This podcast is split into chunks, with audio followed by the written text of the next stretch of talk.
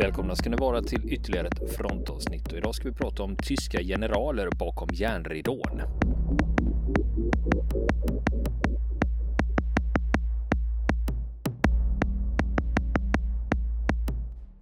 Och nu ska vi fortsätta prata om Wilhelm Adam och sjätte armén. Sen då, kriget tog ju slut 1945 och det satt ju flera miljoner tyska krigsfångar i läger runt om även i Sovjetunionen. Då.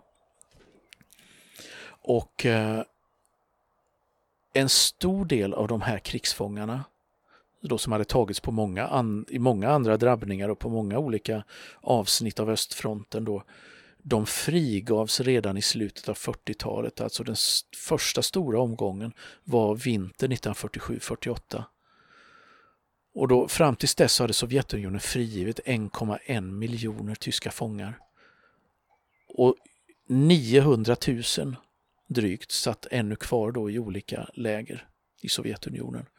Samtidigt så hade mer än en miljon tyska krigsfångar, kanske upp mot 1,3 miljoner, dött i sovjetisk fångenskap. Så att det är ohyggliga siffror som man, man kan tänka på i det här sammanhanget. Då. Men de krigsfångarna som kom från Stalingrad och sjätte armén behandlades ofta annorlunda jämfört med många andra tyska krigsfångar. De fick oftast en mycket hårdare behandling i klass med Waffen-SS och så vidare. De behandlades ofta som om de vore krigsförbrytare och dömdes ofta från både hög och låg av militärdomstolar till långa fängelsestraff oavsett om de var skyldiga eller oskyldiga. Det spelade inte så stor roll eh, eh, då i det sovjetiska systemet om man var skyldig på riktigt eller inte.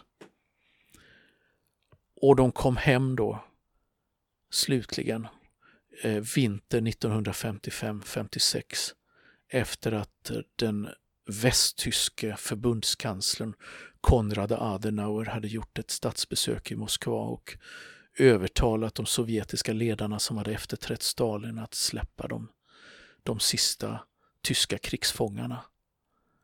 Ehm, låta dem resa hem igen, vare sig det var till Östtyskland eller Västtyskland.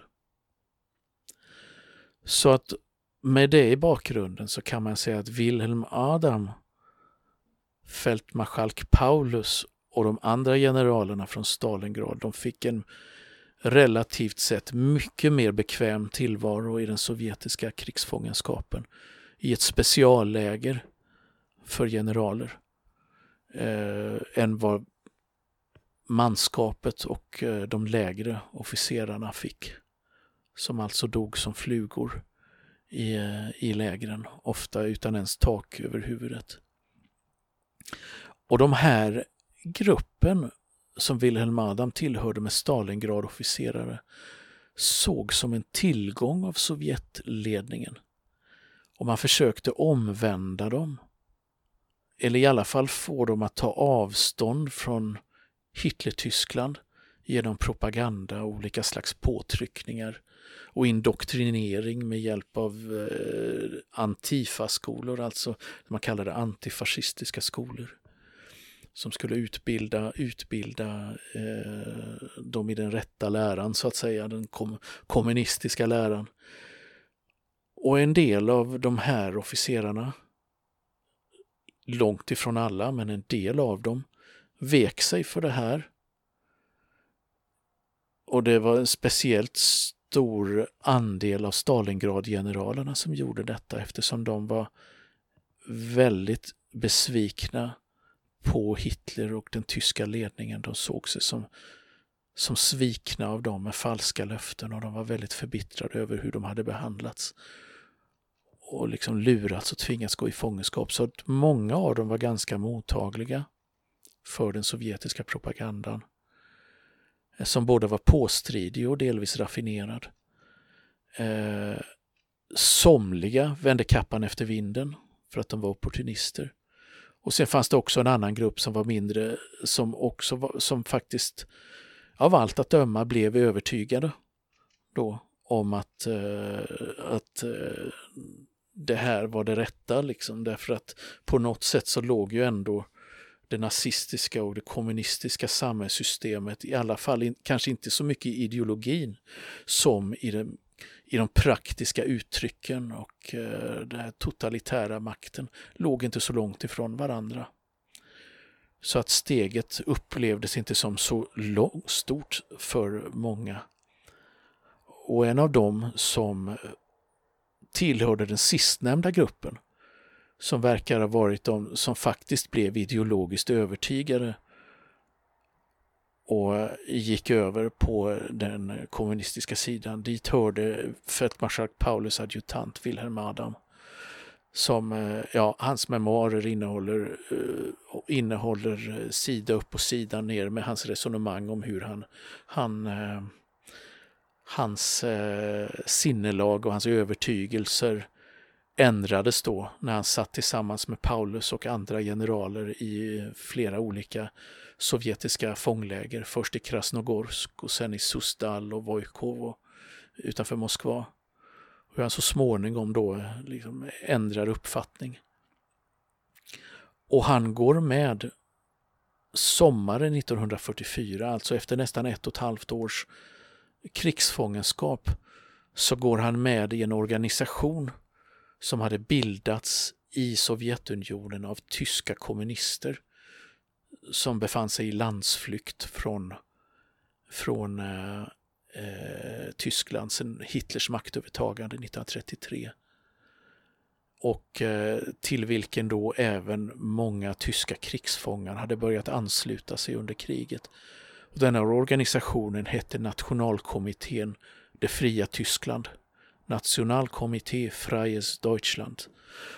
Och eh, den hade grundats redan sommaren 43. Och eh,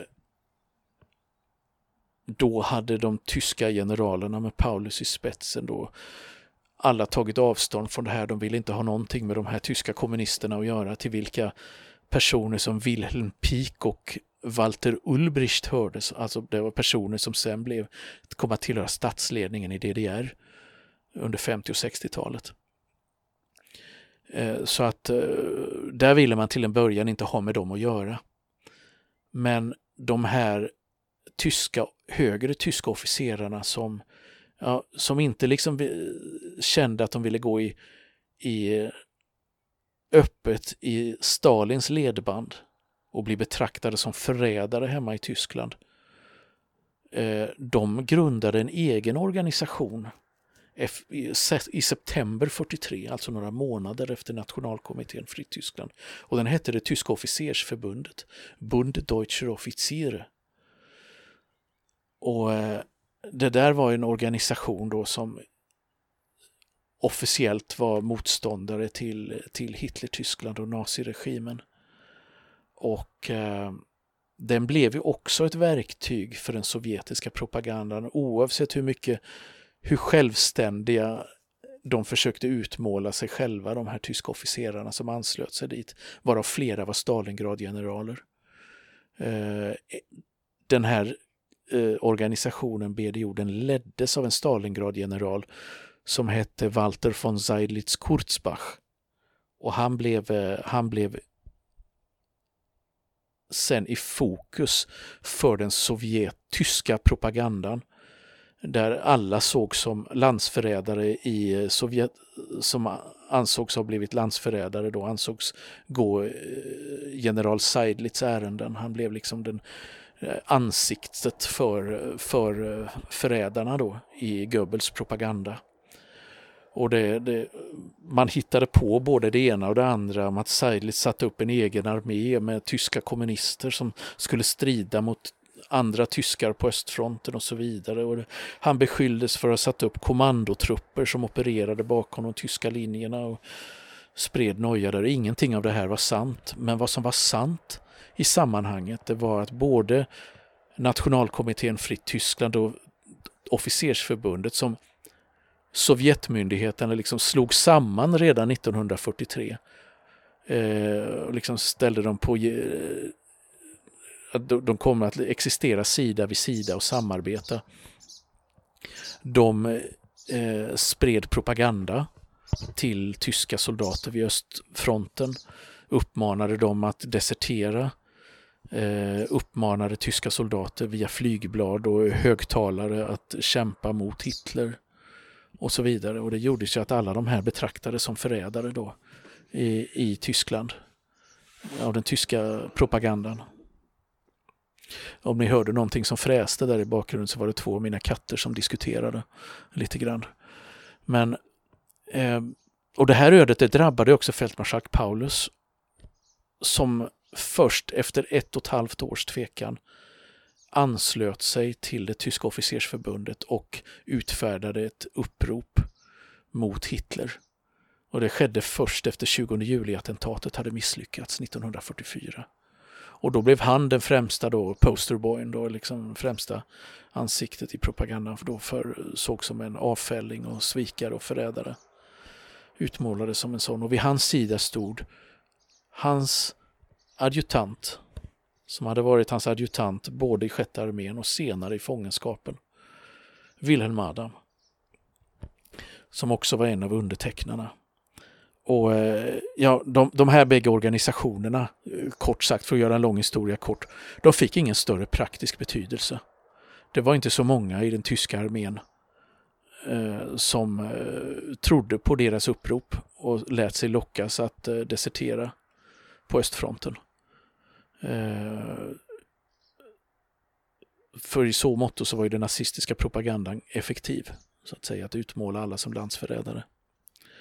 Och eh, så att några månader efter krigsslutet så upplöstes bägge de här organisationerna av, av eh, Sovjetunionen.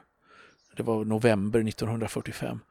Och de som hade varit engagerade i de här eh, organ, bägge organisationerna skickades helt enkelt tillbaka till fånglägren igen från en relativt privilegierad tillvaro och en del av dem ställdes inför de här sovjetiska militärdomstolarna och dömdes till långa fängelsestraff för påstådda eller verkliga krigsförbrytelser. Och eh, Wilhelm Adam, han kom tillbaka till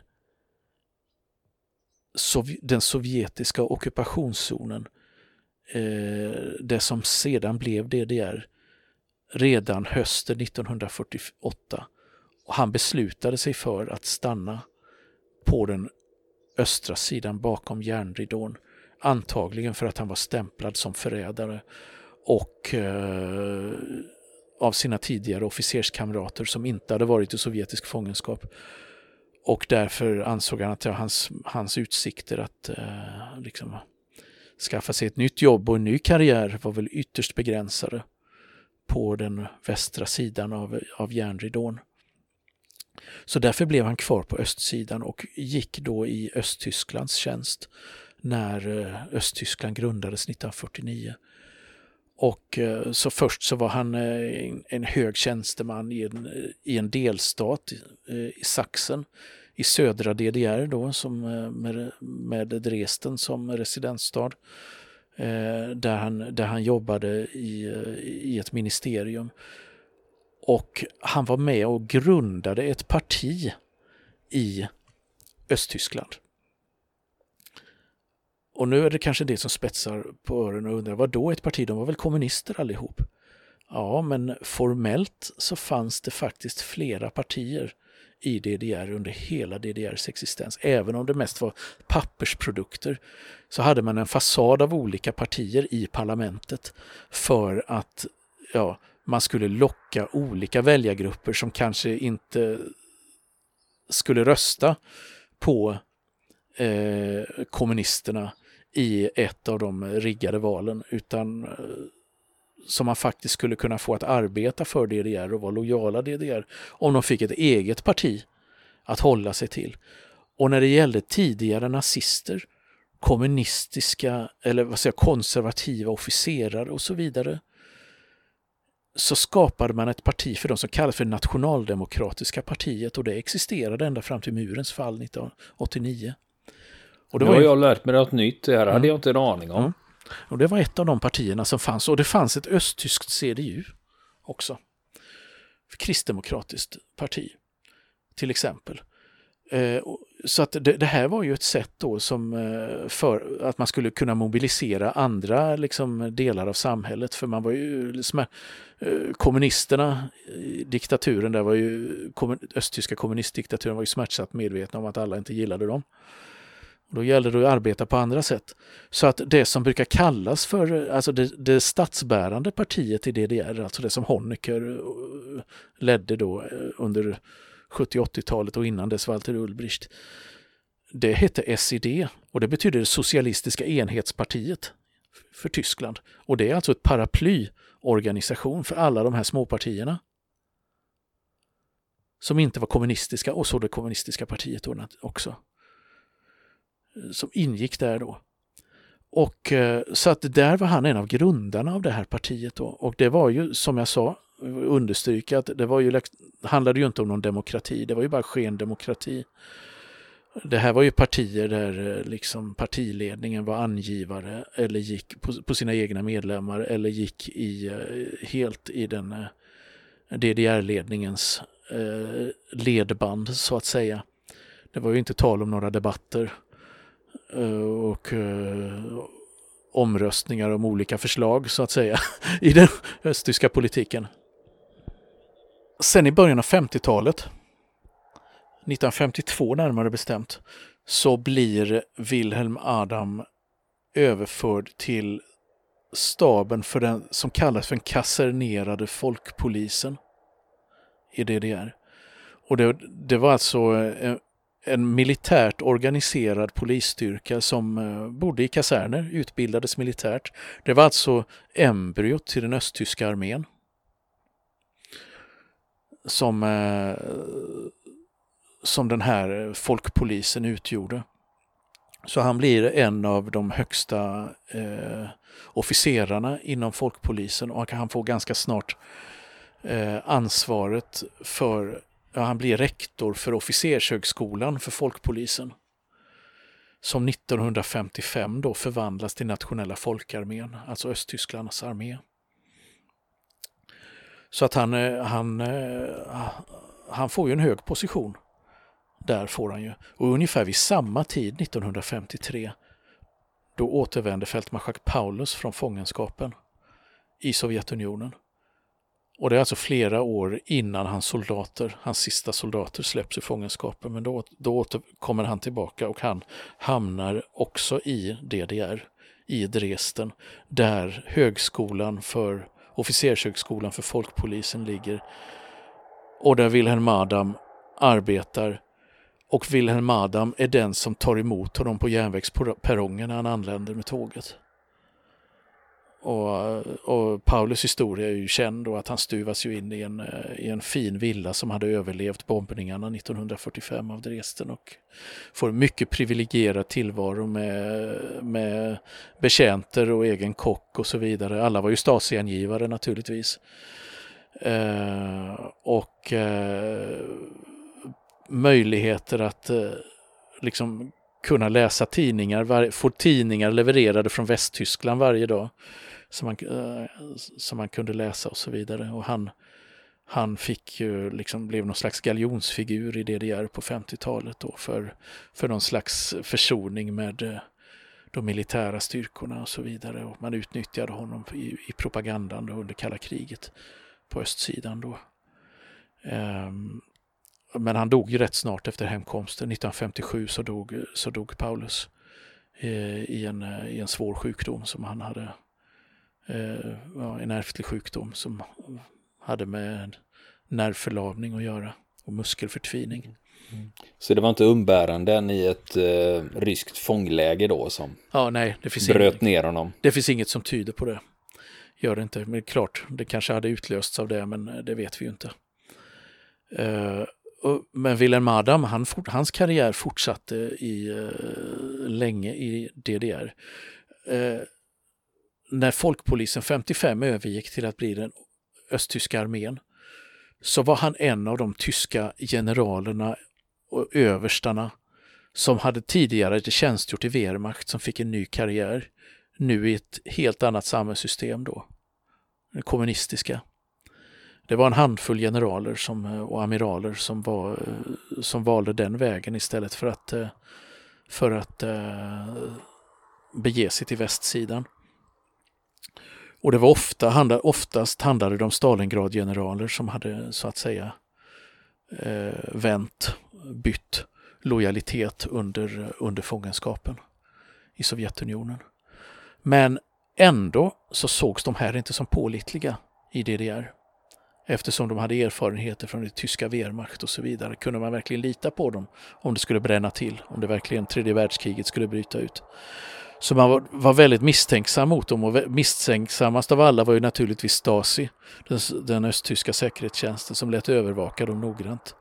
Allt de gjorde och så. Och det beslutades snart i den högsta ledningen då, eh, politbyrån i, eh, i DDR i slutet av 50-talet att man skulle fasa ut de här officerarna och enbart ha kvar ideologiskt pålitliga officerare. De fick inte ha haft så hög grad i, eh, i Wehrmacht för att få stanna kvar i, eh, i den östtyska armén. Så att de blev eh, mer eller mindre tvångspensionerade med början då i eh, 58, 59 någonstans där, de här generalerna. Men det betydde inte att karriären var slut för Wilhelm Adam och för några av de andra officerarna heller, utan man, de fortsatte i andra funktioner i den östtyska staten. Som Wilhelm Adam exempelvis, han satt eh, han satt långt in på 60-talet i, eh, i eh, den tyska, östtyska parlamentet. Och han eh, fortsatte vara en av ledarna för det här nationaldemokratiska partiet i Tyskland. Som han tillhörde ända fram till sin död. Han avled i Östberlin 1978. Det fanns exempel på andra Stalingrad-generaler som också hade karriär. Jag kan bara nämna korthet Arno von Lenski. Som var en generalmajor som hade lett en pansardivision i Stalingrad. Eh, och som eh, blev en av de här eh, officerarna i nationalkommittén. Ehm, han blev efteråt en profil i den östtyska idrottsvärlden och i olympiska sammanhang. För han blev en storhet inom ryttarsport, ridsporten. Han ledde, ledde det olympiska teamet eh, i eh, det östtyska olympiska teamet i ridsport.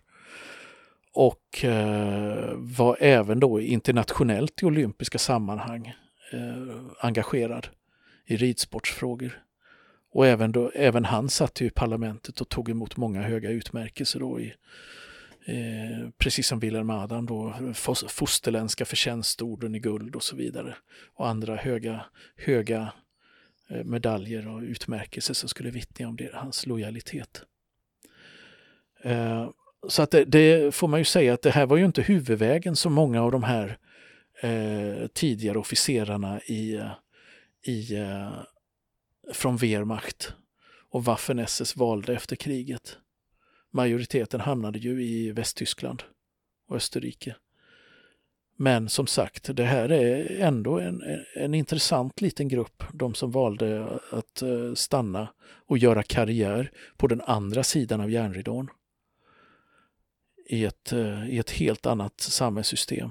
Då får man komma ihåg att få, så gott som ingen av de här tyska officerarna var ju demokrater. Och så att eh, för några av de här då som stannade i DDR så var det nog ganska lätt att på något sätt ändå känna sig hemma i ett, i ett totalitärt samhälle. Och känna sig bekväma med det, även om de kanske inte var kommunister ända in i benmärgen. Mm, det är ändå intressant att höra liksom, vad de tar vägen och eh, vilket anseende de hade. Mm. Både öst och väst. Ja, så man kan ju säga att de här som stannade i DDR Eh, Eh, och de som hade varit då i de här organisationerna jag pratade om tidigare, Nationalkommittén och Officersförbundet i Sovjetunionen, de sågs som förrädare av de flesta av sina kollegor. Då, som eh, skrev långa föraktfulla litanier om dem i, i, i Västtyskland sen under kalla kriget. Och det är inte så konstigt att de sågs som förrädare då i, eh, på det sättet, men det har hänt en sak också kan man säga med tiden och det är ganska intressant för att eh, jag tänkte avsluta med det och det kan man faktiskt se som en liten tankeställare. På 90-talet efter murens fall och eh, runt millennieskiftet så började man i Tyskland göra en omvärdering officiellt av eh, de här eh, Stalingrad-officerarna och andra tyska officerare som hade anslutit sig till officersförbundet och nationalkommittén och utfärdat upprop mot Hitler och så vidare. Det är nämligen så att man i officiella minnessammanhang i samband med 20 juli, eh, minnet av Stauffenbergs attentat och så, mot Hitler och så, då hålls de högtidliga tal i Berlin då, på innergården till det tyska försvarsministeriet där, eh, där Stauffenberg och flera av hans eh, medkonspiratörer avrättades 1944. Eh, och i de talen så har man börjat från officiellt tyskt håll att räkna upp medlemmarna av nationalkommittén och, och officersförbundet som medlemmar av det motståndet mot Hitler och naziregimen, alltså som medlemmar av motståndsrörelsen. Och de räknas upp sida vid sida med organisationer och sammanslutningar som Vita rosen, Röda kapellet, Kreisau-kretsen och andra som kom från helt andra håll. Så att de ses inte längre enbart som Stalins hantlängare, vilket de delvis också var, utan de ses också som att ja, men det fanns ändå ett element av att man faktiskt försökte göra motstånd mot Hitler-Tyskland i det hela. Så att en viss nyansering och omvärdering. Ja, det är intressant. Eh, man ser det, men i och för sig, då har vi alltid det här när, när egentligen det vi pratar om här, det är ju egentligen tre totalitära system. Eh, om vi då pratar om Nazityskland, sen är det Sovjetunionen och sen har du DDR. Och liksom att man liksom åker pingpong mellan de här känns det som. Ja, precis. Precis. Mm. Så oavsett vad man tycker, oavsett var man kommer ifrån, eh, oavsett vilka värderingar man har själv, så är det en intressant historia det här. Ja, onekligen. Vi har ju fått en hel del hejarop under mm. resans gång. Vi har ju mest bett om ursäkt för, ja. oj, ursäkta, nu blir det ett till avsnitt av Wilhelm Adam. Men det är flera ja. som har skrivit, ja men det här är superintressant, keep them coming. Ja. Medan jag tänkte att oj, oj, oj, nu somnar folk ja. av här. Ja, visst, när ska folk tröttna? Men ja, vi får, vi får dela ut tappersmedaljer till alla som har hängt med ja. ända in i mål. Ja, ja pur purple heart. ja, precis. Sårad, sårad vid lyssning. Precis. ja, ja. ja, men där får vi väl lämna Wilhelm Adam. Och så får vi styra mot nya mål i kommande avsnitt. Ja, precis. Jag har lite idéer på gång här så att mm. det är mm. bara att hålla öronen öppna så kommer det grejer här. Ja, men vad bra. Vill ni komma i kontakt med oss så kan ni göra det via vår Facebook-sida som heter Fronten. Det är inga problem för er att leta er fram där. Eller också så mejlar ni på vår mejladress och det är frontenpodcast@gmail.com.